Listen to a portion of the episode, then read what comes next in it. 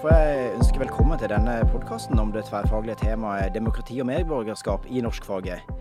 Jeg heter Nils Sunde Birkeland og jobber som førstelektor ved Institutt for nordisk og mediefag ved Universitetet i Agder. Og med meg så har jeg fått eh, Siri Boje Haugen med mange års fartstid som lektor i videregående skole, men som for tiden også jobber ved Institutt for nordisk og mediefag.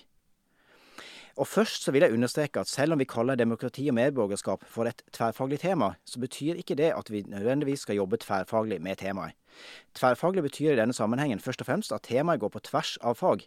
Dvs. Si at flere ulike fag skal arbeide med temaet gjennom å integrere det i undervisningen. Og Selvfølgelig kan man gjerne jobbe med temabaserte opplegg i samarbeid med andre fag, men dette er ikke noe krav for å kunne jobbe med temaet. Videre så vil jeg understreke at demokrati og medborgerskap i vid forstand er en så selvfølgelig del av skolens oppdrag og dannelsesprosjekt i det vi kan kalle for våre vestlige demokratier, at det fort kan bli veldig utflytende. Alt vi driver med i eh, skolen, og kanskje i særdeleshet i norskfaget, kan på ulike måter sies å støtte opp under eller å befatte seg med dette temaet. Dette ser man særlig hvis man tar for seg kompetansemålene i norsk fra tiende trinn oppover, og krysser dem med det som eh, står om temaet demokrati og medborgerskap både i overordnet og i fagspesifikk del. Mange lærere kjenner nok f.eks. til den amerikanske pedagogen John Deweys eh, klassiker 'Utdanning og demokrati' fra 1916. Jeg skal ikke tvære ut dette her, men henviser til støttearket vi legger ut sammen med denne podkasten, der både formuleringene i læreplanen om demokrati og medborgerskap samt en liten referanseliste til utdypende litteratur, annet noen av eh, Deweys klassikere, er å finne. Men nå vil jeg gjerne eh, gi ordet til deg, Siri. Hvordan skal vi gå fram her for at ikke alt vi sier om temaet, både i denne podkasten og i norskfag i skolen, skal ende opp som utflytende selvfølgeligheter? Hvordan skal en norsklærer i videregående skole ta overordnede vyer, idealer og ideer ned på landjorda i sin daglige praksis? Ja, det som jo kan være nærliggende å tenke på, når vi snakker om demokrati og medborgerskap eh, i norskfaget, er eh, hvordan man kan påvirke andre gjennom ytringer, både muntlig og skriftlig, delta i diskusjoner og debatter i klasserommet, analysere taler og andre saktekster, kildekritikk, falske nyheter osv. Men det som vi har valgt å se på her i dag, det er lesing, og da særlig lesing av skjønnlitterære tekster, som en viktig tilnærming til det tverrfaglige temaet. I eh, den sammenhengen så har vi valgt eh, å ta utgangspunkt i tre spørsmål. Og det første er hvorfor leser vi skjønnlitteratur? Det andre er hvordan leser vi? Og til slutt hva leser vi?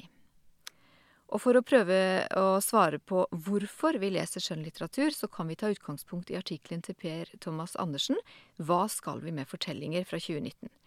Der skriver han at litteratur yter motstand og er en slags protest mot virkeligheten. Samtidig gir den oss evnen til å forestille oss verden annerledes enn den er. Denne evnen er selve drivkraften til forandring. Det er samsvar mellom den litterære fortellingen og det å kunne forestille seg en annen virkelighet. Dette er en evne som kanskje er viktigere nå enn noen, øh, viktigere enn noensinne. Ja, og så... Øh mener du at eh, han Per Thomas Andersen han snakker om tre ulike f-er, stemmer det? Ja. Eh, den første f-en er fellesskap. Og han skriver at elevene dannes inn i et fellesskap.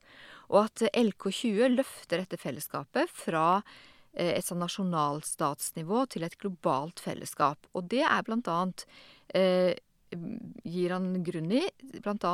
til bruken av disse tverrfaglige temaene, som f.eks. bærekraftig utvikling og, som er aktuelt i dag da for oss, demokrati og medborgerskap. Det var den første F-en, altså fellesskap. Den andre F-en, følelser.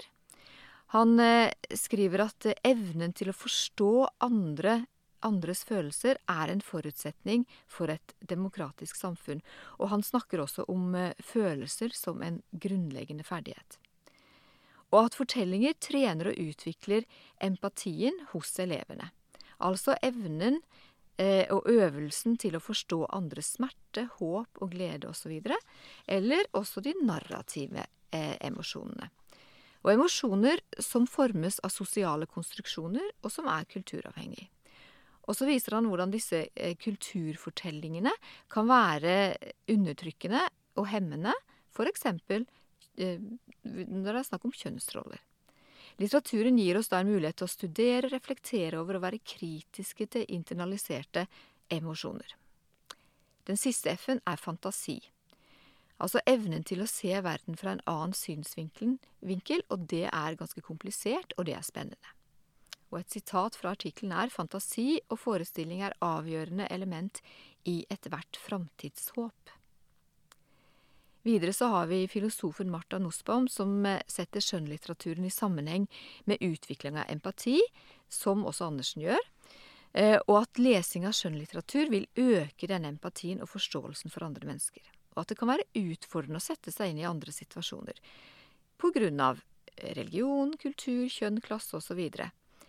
Men at det er viktig å få forståelsen for det ukjente for å fremme demokratiet, og eh, at hvor viktig det er forståelse for eh, Altså å respektere andres verdier og bli kjent med andres valg og verdier, at det på en måte er også en viktig del av dette her å skape empati og forståelse for andre mennesker. I litteraturens etikk, etikk følelser og forestillingsevne fra 2016 så skriver Nussbaum kunst bidrar til å danne den evnen Eh, til å foreta vurderinger og den evnen til innlevelse som kan og bør komme til uttrykk i de valg en samfunnsborger tar. Og videre så skriver eh, hun også det er ikke tilstrekkelig å samle seg kunnskap for å bli en verdensborger.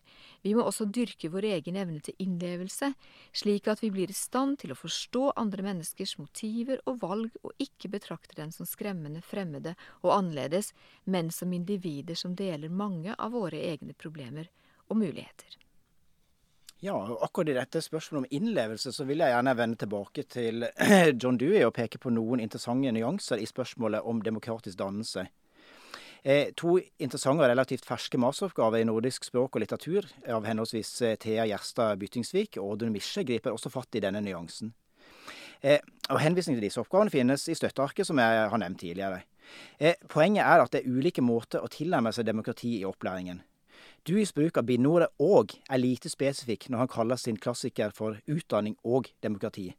Men om vi tar i bruk preposisjoner for å beskrive forholdet mellom utdanning og demokrati, oppdager vi fort nyansene. Vi kan f.eks. snakke om utdanning i demokrati, eller utdanning om demokrati.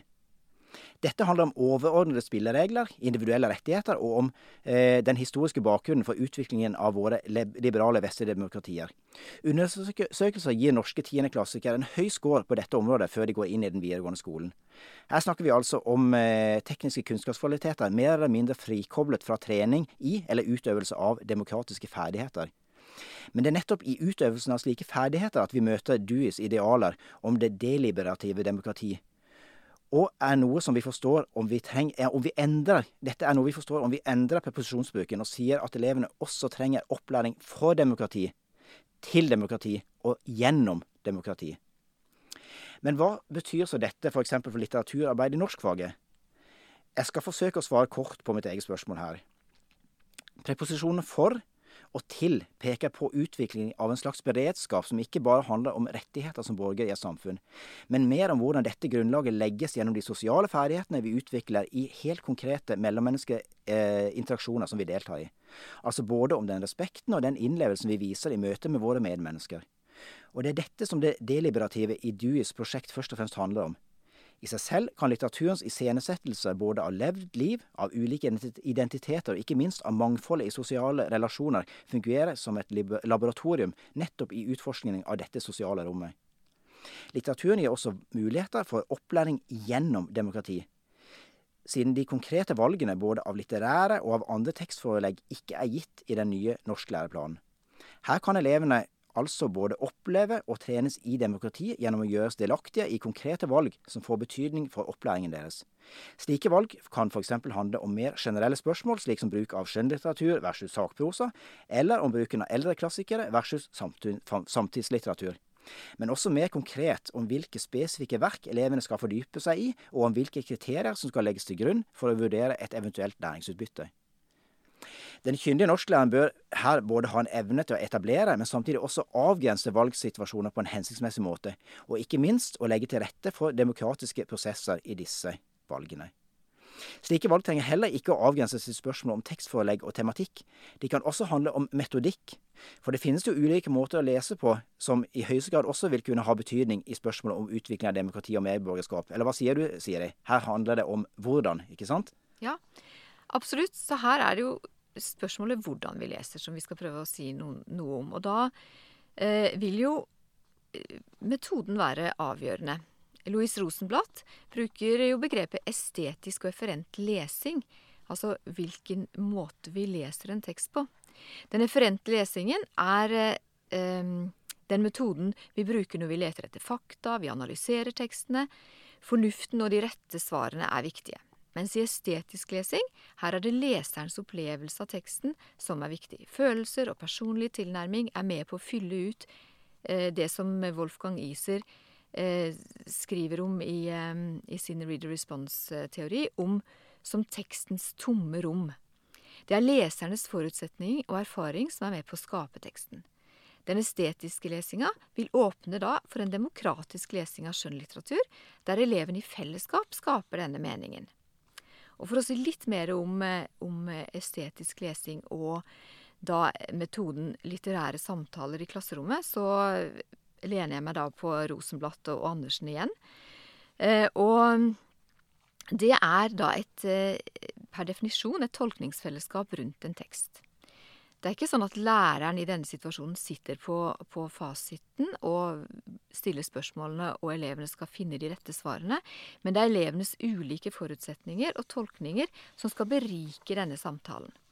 Og det er i fellesskap at forståelsen for teksten eh, skapes, og, um, og læreren er på en måte den lyttende og den nysgjerrige, ikke en passiv eh, deltaker, men en som på en måte stiller de utfordrende spørsmålene og oppfordrer til å diskutere teksten.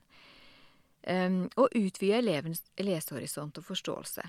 Og utfordre eleven til å tenke nytt og revurdere holdninger. Og lære de og hjelpe de å være kritiske. Men det er altså elevenes opplevelse, og det er i tolkningsfellesskapet i klasserommet hvor teksten da dannes. Så det er viktig her å bryne seg på andres meninger og tolkninger, og det å utvikle da en tekstforståelse sammen med andre. Og da kan man få en nyansert helhetsforståelse av både personene, handlinger, sjanger og språket. Og altså da en demokratisk tilnærming til en skjønnlitterær tekst. Ja, eh, og til slutt nå så skal vi komme inn på hva vi leser. Altså det siste av de tre eh, spørsmålene som vi var inne på tidligere. Eh, og her skal vi trekke fram noen eh, eksempler som eh, dreier seg om eh, muligheter og utfordringer knytta til eh, temaet demokrati og medborgerskap. Det betyr ikke at de utfordringene vi peker på, er utfordringer for litt, bruk av litteratur som sådan i norskfaget, men det er utfordringer som er knytta til å bruke den litteraturen vi kommenterer, i forhold til det temaet som vi har i fokus her, altså demokrati og medborgerskap. Eh, for eksempel så kan det være utfordringer med å bruke eh, litterære klassikere. Altså eldre tekster som eh, øver motstand og skygger for elevens muligheter til å leve seg inn i karakterene, siden det å forstå konteksten, altså den historiske rammen, blir så krevende at det skygger over muligheten til å leve seg inn i tematikken og forstå karakterene. For eksempel så kan det dreie seg om kvinnesynet og deres posisjon i det å måtte bli et ulykkelig ekteskap, med utgangspunkt i Hamsuns eh, novelle fra 1903, 'Livets røst'. Og det kan dreie seg om forholdet mellom generasjoner, som eh, framstilles i eh, novellen 'Et middagsselskap' eh, av Alexander Kielland fra 1867. Eh, for der er forholdet eh, mellom generasjoner, eller forholdet mellom mann og kvinne, eh, såpass fjernt fra det unge opplever i dag, at det kan være krevende for, for unge å leve seg inn i, i, karakterene og deres problemer. Og så kan en jo tenke seg at det kan være utfordrende med da, den estetiske lesemåten. Og særlig med tekster der det er måte, mange ulike tekster som konkurrerer med å framstille det samme temaet. Og eh, hvor temaet da ligger nært, eller motivet ligger nært i tid og handler om en spesifikk hendelse. For eksempel da eh, Thomas Espedal sin novelle 'Mann i kostyme' fra 2013, hvor hendelsene eh, fra 22. juli framstilles gjennom øynene til Anders Behring Breivik.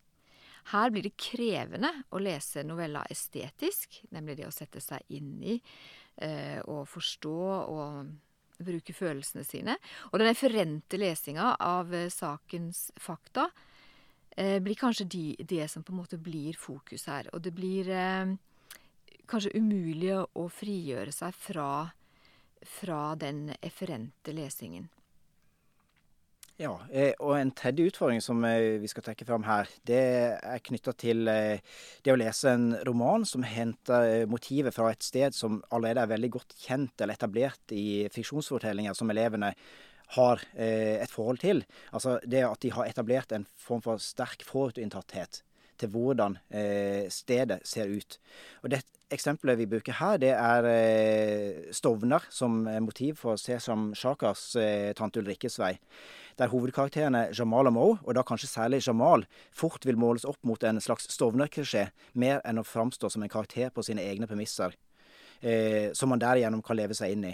Altså så blir det Stovner-klisjeen som skygger for mulighetene til innlevelse. Og dette er en Stovner-klisjé som er framstilt gjennom TV-serier, f.eks. av 16, 17, 18 og 19, som er, er velkjent blant eh, barn og unge i dag. Men det nyttige ved den romanen, slik Misjes masteravhandling viser, er at den kan være utgangspunkt for gode litterære samtaler om ulike innfallsvinkler til hvordan problemer kan løses. Eh, det kollektive versus det individuelle er stikkordet her. Er det samfunnet som skal endres, eller er det individet som eh, bedre må være i stand til å, å tilpasse seg?